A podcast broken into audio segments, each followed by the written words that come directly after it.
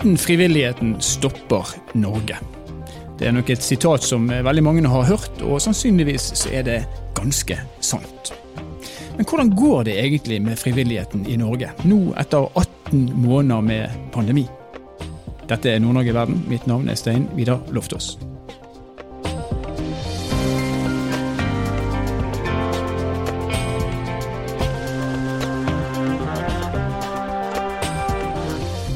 På oppdrag fra Kunnskapsbanken fra Sparebanken Nord-Norge har Institutt for samfunnsforskning gjort en undersøkelse for å belyse nettopp hvordan det går med frivilligheten etter 18 måneder med pandemi. Og Nå har vi med oss eh, Daniel Arnesen. Han er forsker ved Institutt for samfunnsforskning. Velkommen til oss, eh, Daniel. Tusen takk.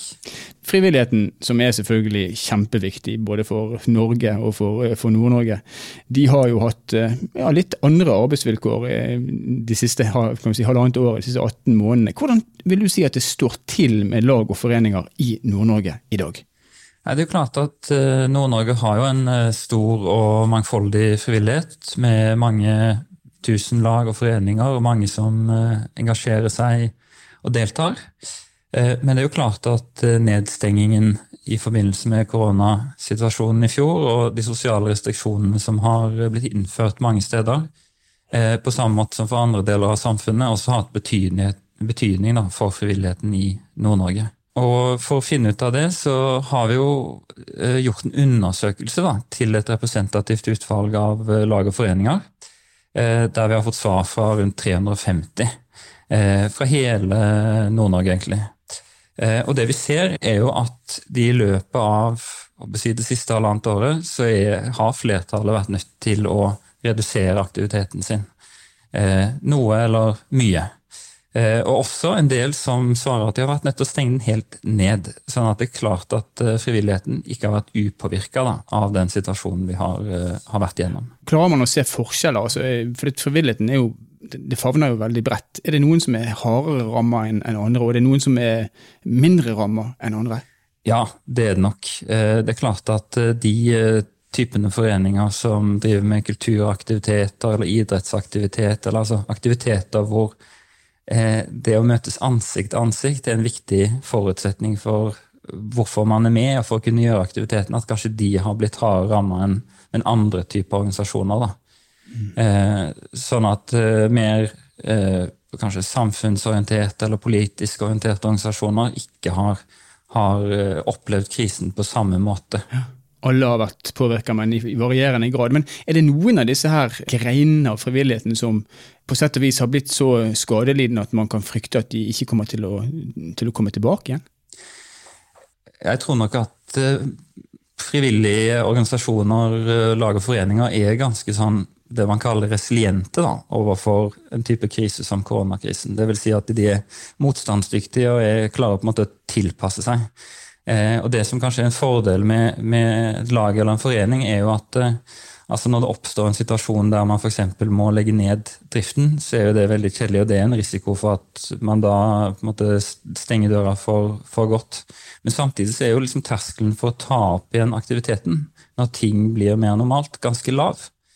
Sånn at eh, jeg har mer tro på at vi på en måte vil se en type sånn revitalisering da, når man eh, nærmer seg en ny normal, mm. enn at man får på en måte veldig mange lag og foreninger som forsvinner. Men det kan være grunn til bekymring, særlig for de typene aktiviteter som er veldig sånn medlemsbaserte. da, altså Hvor på en måte det er medlemsaktiviteter, eh, og hvor man har en høy grad av fysisk deltakelse og møtes ansikt til ansikt. Eh, fordi vi ser også at eh, mange av de foreningene har eh, både mista mange medlemmer, og de opplever at det har blitt vanskeligere å rekruttere medlemmer enn før. Akkurat. Du, En annen ting som, eh, som, jeg i hvert fall har tenkt på mye sjøl, er at når vi har vært inne i en sånn periode som vi har vært nå med pandemien, og som vi for så vidt fortsatt er, som har vart så lenge, altså vi snakker nå om 18 måneder, eh, så ser vi at eh, i deler av samfunnet da, så, så, kommer man opp med nye ideer, man kommer opp med, med innovasjon og nye metoder. Jeg reflekterte over det senest på lørdag jeg var ute og spiste. Hvordan man nå på nesten de aller fleste restauranter bare skanner en QR-kode, og så bestiller man og så betaler man for seg. Der man før måtte snakke med, med servitøren. Det har jo kommet som en konsekvens av, av pandemien. Ser vi noen tegn til en slik form for innovasjon også i frivillig sektor? Ja, en uh, gjør nok det. Og det er jo veldig interessant, fordi at uh, frivilligheten generelt i Norge har på mange måter vært litt sånn treig, uh, særlig på lokalt plan, med å ta til seg måte disse digitale verktøyene som sosiale medier, Facebook og Twitter og YouTube og sånne type ting. Men vi ser jo at i den situasjonen man har vært i nå, så er det veldig mange lag og foreninger som har brukt eh, sånne typer digitale verktøy da, for å opprettholde sine aktiviteter, men i litt annen form da, enn før. Mm. Mange foreninger svarer at de har tatt i bruk digitale plattformer, eh, kanskje i kombinasjon da, med vanlig fysisk ansikt-til-ansikt-deltakelse, for å gjennomføre f.eks. møter eller ha kurs og seminarer, eller til og med lotterier og loppemarkeder da, som har gått digitalt, og hvor man kan betale gjennom eh, altså løsninger som VIPS eller andre sånne betalingstjenester. Og så er det faktisk en del lag og foreninger som altså svarer at de, de, også har gjort øvinger, treninger eh, digitalt. Og det kan jo kanskje være litt sånn vanskelig å forestille seg hvordan det foregår. Men eh, det tror jeg nok dreier seg om kor, da, som øver f.eks. at man tar i bruk sånne videoverktøy som Teams eller Zoom, da, og synge sammen eh, hver for seg. Idrettslag som trener ved hjelp av treningsapper. Eller til og med eh, det eksempelet, den undersøkelsen da, på husflidslag som driver håndverksarbeid på Facebook, altså både gjennom video, men at man også diskuterer og utveksler på en måte eh, erfaringer og bilder fra, fra, det man har gjort. Da. Så at Man er jo veldig oppfinnsom når det kommer til dette her, og man har, har virkelig tatt i bruk digitale verktøy og prøvd å innpasse på en måte mye av den aktiviteten som det ikke har vært mulig å, å gjøre normalt. Eh, til det digitale. Og selv om det nok ikke er helt det samme da, som å være der fysisk, så tror jeg at det også har, har på en måte fungert relativt godt for mange. Det fungerer relativt godt, men fungerer det så godt, tror du, at vi kommer til å fortsette å gjøre det på denne måten, eller vil vi så snart anledningen tillater det, gå rett tilbake til sånn som det var før? Ja, Det er jo et veldig interessant eh, spørsmål, og det er jo vanskelig selvfølgelig å spå om fremtiden når det gjelder tingene. fordi at eh, det å møtes på en måte Eh, å være sammen og drive en frivillig aktivitet, det er jo på en måte også noe av kjernen i det å, å være med i et frivillig lag eller forening. Mm. Det er liksom noe av grunnen til at mange blir med, det er å få kunne være sammen med andre og ha noe sosialt, et fellesskap. Men vi ser jo at i når det uh, gjelder det foreningen har svart i denne undersøkelsen, da, så ser en del for seg, altså én av fem, da, svarer på, på et spørsmål vi har stilt, at de uh, tror at aktiviteten vil ha en annen form enn før koronasituasjonen oppsto, ett år frem i tid. Da. Sånn at mange ser, altså, Det er en del som da ser for seg at digitale verktøy og plattformer vil bli en mer naturlig del også av den, den vanlige aktiviteten. Men jeg tror nok at hvis du tenker på idrettslaget eller koret, så vil idrettslaget dra tilbake i idrettssalen og koret tilbake i øvingslokalet når eh, det er greit igjen. Og det er det jo på en måte mange som nok også har, har begynt med eh, der det er mulig. Da. Og mange som har savna, helt åpenbart. Du Daniel, helt til slutt. Altså, en krise den krever jo ofte eh, frivilligheten til det fulle. Eh, kan vi si noe om hvilken betydning lag og foreninger i Nord-Norge har hatt under pandemien? Ja, eh, og jeg tror egentlig det er også et viktig, eh, et viktig poeng å understreke at selv om mange lag og foreninger har eh, opplevd at aktiviteten har blitt redusert, at det har blitt vanskelig å rekruttere medlemmer, og man har måttet tenke litt sånn nytt om, om, driften, så er det samtidig sånn at mange foreninger også har spilt en veldig viktig rolle i håndteringen av koronasituasjonen, sånn som den arta seg i Nord-Norge. Eh, og vi har jo spurt eh, også da foreningen på hva de har gjort i den sammenheng. og For det første så ser vi at frivilligheten har vært veldig viktig i å videreformidle informasjon både fra, fra myndighetene da, om koronaviruset, men også fungert som en en støtte for sine medlemmer, eh, for de som har hatt behov da, for noen å snakke med. Eh, F.eks. ved at man har eh, tatt en telefon, ringerunde til medlemmene for en uformell prat, eller at man gjennom internett og sosiale medier som Facebook-grupper har kunnet ha en dialog da, om hva denne situasjonen har betydd. Eh, og det gjelder generelt, fra idrettslaget måte, til eh, Røde Kors, til eh, trossamfunnet. Mm. Eh, og så er det samtidig liksom, deler av frivilligheten som kanskje har drevet med mer direkte hjelp da, overfor personer i risikogrupper eller i karantene og isolasjon. Altså organisasjoner som eh, arbeider på helsefeltet eller med sosialt arbeid, som har drevet med transport, utkjøring av mat, bistått eh, pårørende, eller til og med da koordinert frivillige til å drive liksom, en aktiv hjelpeinnsats. Eh, sånn at det er på en måte et, et du har en del av frivilligheten som jobber mer med, direkte med nettopp sånn helseberedskap, mm. som jo har blitt veldig aktualisert i den situasjonen. Ja. Eh, og så Samtidig så er det jo sånn at eh, mange foreninger som ikke driver med helseberedskap, likevel har vært viktig fordi at krisen også har hatt en sånn indirekte konsekvens. altså Særlig for noen grupper, som barn og unge eller eldre og seniorer, som pga. nedstengningen, pga. sosiale eh, restriksjoner, ikke har kunnet møtes, være sammen på samme måte som tidligere, som kanskje har vært da nødt til å være mye hjemme og ikke være i kontakt med venner, bekjente, familie. Og her har jo på en måte andre typer foreninger tror jeg nok spilt en veldig viktig rolle i det at man da har, har eh, si, tatt kontakt med, med eh, disse menneskene. Man har arrangert aktiviteter kun for barn og unge eller for eldre, og på den måten drevet med det som man kanskje kaller sånn omsorgsberedskap, som handler om kontakt mennesker imellom og det å måtte skape en følelse av trygghet da, i en vanskelig situasjon. Tusen takk for at du kunne være med oss, Daniel Arnesen, forsker ved Institutt for samfunnsforskning. Bare hyggelig.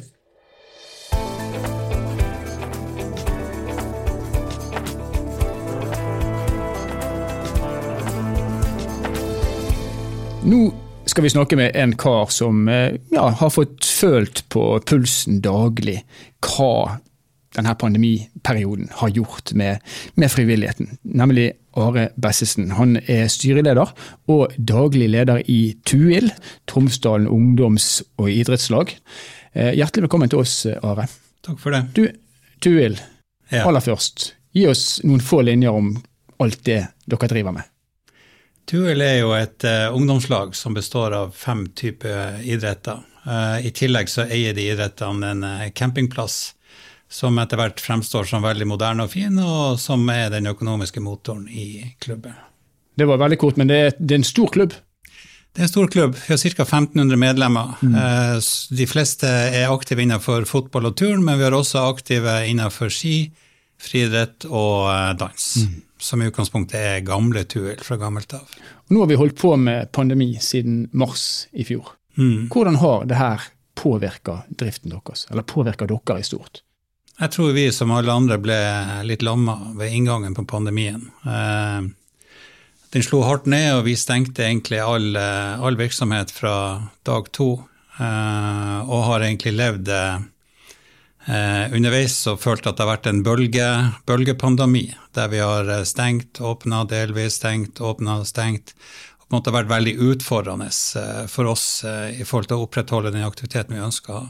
Men dere har vært på og av, sier du. Eh, vi får jo inntrykk, vi som ikke er direkte involvert i organisert idrett, at man nesten ikke har fått drevet med fotball på halvannet år. Men er det sånn at dere har hatt aktivitet i såpass stor grad at dere har holdt medlemmene deres i klubben, eller har dere merka at eh, dette her har ført til en, avskalling? Nei, Du kan jo dele det i to. Altså, den første delen var jo fullstendig nedstengning og veldig høy grad av usikkerhet. Eh, neste fase, når vi begynte å åpne opp igjen, så åpna vi opp eh, gradvis med alle de retningslinjene som, eh, som lå der og fikk unger i aktivitet. Og som veldig kort fortalt så var vel de fleste i mer eller mindre aktivitet under hele perioden for de som var under 20 år. Og så har vi jo der eh, temaet som har vært gjennom hele perioden, og det har vært i over 20, altså de godt voksne, og, og breddeidretten da, som ikke fikk komme i gang. Eh, men vi har klart å opprettholde god aktivitet. Vi har hatt engasjerte og flinke frivillige. Vi har vært heldige som har hatt en administrasjon med faste ansatte som kunne ha koordinert og sett på hvordan vi kan utøve aktivitet. Eh, og har egentlig klart å opprettholde egentlig høyest mulig aktivitet basert på de rammevilkårene som lå der. Mm. Økonomisk, da? Nei, klart, Jeg sa jo innledningsvis at campingen var den økonomiske motoren i, i Tuil. og vi har investert tungt i den. Og ei uke før pandemien slo ned i mars, uh, så sto 21 nye hytter klar til å ta imot folk. Uh, og vi så for oss at det skulle bli et år med rekordomsetning. Det skjedde jo ikke. Så det er klart, vi, eh, vi måtte stille oss i kø på støtteordninger, eh, og vi eh, fikk dog en god sommer, men det ble et bedrøvelig 2020. Når det gjelder idrettene, så, så har det egentlig vært ok. Vi har hatt en del frafall blant de eldste, men vi, nå når vi kommer ut, så har vi nettovekst på på hvert fall på fotballsida og tilnærmet status quo på turnsida, som er typiske inneidretter. Um, så sånn sett så har vi klart å ivareta de, den organiserte delen av uh, idretten. Mm. Godt håndverk i Tuil, åpenbart. Men hvis du ser på, eh, hvis du ser på dette her, konsekvensen av pandemien i stort, hva, hva tror du det vil ha å si for breddeidretten, og hva vil det ha å si for toppidretten når vi nå si, har ligget nede mer eller mindre i ett og et halvt år? Jeg syns det er vanskelig å svare på, for at, uh, vi håper vi kommer tilbake til normalen. Men uh, vi er veldig usikre på om vi kommer tilbake til normalen, og hva er den fremtidige normalen. Så, så hvordan dette kommer til å se ut etter hvert, det, det, er vi veldig usikre på. Men det vi er ganske sikre på, det er at med den infrastrukturen vi har og det tilbudet vi kan by på der borte, både inne og ute, så vil vi stort sett til enhver tid kunne by på noe uh, som sørger for at flest mulig forholder holde seg i aktivitet, enten organisert eller uorganisert. Så føler jeg også at uh, når vi har vært gjennom det her, så har på en måte samholdet blitt sterkere.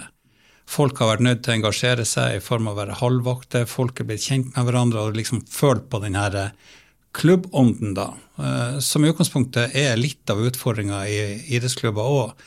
Det å få frivilligheter til å, å, å, gå i lag og virkelig ha lyst til å bidra. Det føler vi fikk litt igjen for under pandemien. Mm. Vi hører at i mange klubber, eller i hvert fall i noen klubber, så, så har de på sett og vis mista eh, grunnlaget sitt. altså De har mista mm. veldig mye folk. Så er det atter andre som sier at når det nå blir åpna opp igjen, så merker de et enormt sug og en enorm interesse. Folk mm. vil det tilbake igjen. Dere, hvor står dere på den skalaen der? Nei, Vi merker jo det samme. Eh, vi ser jo på aldersbestemte ungdomskamper på fotballen, så er det jo så mye folk på tribunene som det aldri har vært. Eh, vi la ut et breddetilbud på fotball på Tuil som vi kaller for Tuil 3, der du bare kan komme og spille når det passer deg. Eh, bli med og ha det gøy. og Vi måtte stoppe påmeldinga der på 44 stykker. Så det er et eller annet med det suget, at folk har lyst til enten å komme kun i aktivitet, men helst også det å være sosial igjen og gjøre noe, eh, kontra det å bare sitte hjemme. Interessant. Du, Vi har eh, fått en rapport som Institutt for samfunnsforskning har laga for Kunnskapsbanken, Sparebanken Nord-Norge. Og Der kommer det frem at eh, frivilligheten, altså en god del, eh, to av ti tror jeg, eh, foreninger, har i løpet av pandemien kommet opp med helt nye tilbud. Mm. Hvordan har det vært hos dere? Nei, Vi har, eh, føler vel hvert fall at vi har gjort mye av det samme. Eh, vi satt jo egentlig med to valg, og det ene var å stenge ned og holdt alt nede. Og det andre var å investere nå for å komme ut og tilby mer når det her går over. Og det er primært to ting vi har satsa tungt på. For vi ønsker at Tuil-anleggene skal være for flest mulig. Og det ene er jo e-sport. Der har vi bygd et eh, topp moderne, syns vi sjøl, eh, anlegg og starta et e-sportsenter der vi har ganske store ambisjoner. Nå er vi jo ikke der at vi har kunnet hatt et fullt års drift ennå, for vi åpna 100% rundt påsketider i år. Men utover høsten så vil det ta seg opp. Og da tror jeg vi tiltrekker oss eh, ganske mye flere typer ungdommer, barn og unge, enn det vi gjør med vanlig organisert idrett. Og et kjempespennende eh, område. Det andre er jo Vi ferdigstiller i løpet av neste uke eh, et helt nytt treningssenter i tillegg til det vi har hatt, for vi ser at behovet for å gjøre ting sjøl, trene sjøl, det, det er sterkt økende. Og treningssenteret har vi bygd inn med tilbud for, um, for pensjonister. Vi har barselgruppe, og vi har frivillige, altså vanlige mosjonister, men vi parer det også godt opp imot eh, toppidretten, altså de som trenger mer enn bare å trille ball eller turne. Tenker du at de som sier at eh, vi ikke har kasta bort en, god krise, vi har kommet opp med nye ting, at de har litt rett, eller? Ja, jeg tror det er mye rett i det. Eh, og du kan godt si at i en sånn travel hverdag så har på en måte den pandemien gitt litt pusterom i positiv forstand til å planlegge og ikke minst iverksette. Hvor går veien videre nå for uh, Tuil? Nei, Nå skal vi bare gjøre det vi har satt i gang best mulig, og kunne tilby uh, mest mulig aktiviteter til de fleste. Men vi også, må også være litt sånn uh, stoppe opp og høre hva er det, hva er det folk savner. vi har anlegg nok, vi har masse areal. Eh, men vi setter ikke på alle løsningene. Men foreløpig så har vi eh, et godt spenn med tilbud til folk på fastlandet. Tusen takk for at du kunne være med oss, Are Bessesen, daglig leder i TUIL. Takk for at jeg fikk komme.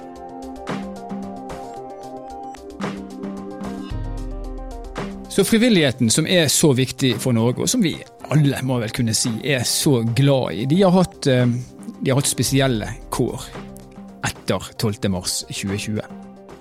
Og der eh, noen deler av frivilligheten har eh, lidd kraftig, kanskje så kraftig at man lurer på om de i det hele tatt kommer til å komme tilbake igjen. Så er det andre som har benytta anledningen til å finne på nye ting, nye tjenester, eh, og som de da har kunnet aktivisere mennesker med under pandemien, og som de mest sannsynlig også kommer til å ta med seg inn i perioden etter pandemien. Og så er det fint å høre at uh, Are Bessesen slår fast at det er, et, det er, et, sug i befolkningen etter å få lov til å være sosiale, etter å få lov til å være i aktivitet. Og ettersom man har åpna opp, så har man sett en, en, voldsom tilstrømning. Og det gir jo grunnlag til å tro at uh, frivilligheten den kommer til å reise seg igjen og stå kanskje stødigere enn noensinne når samfunnet endelig åpner helt opp igjen.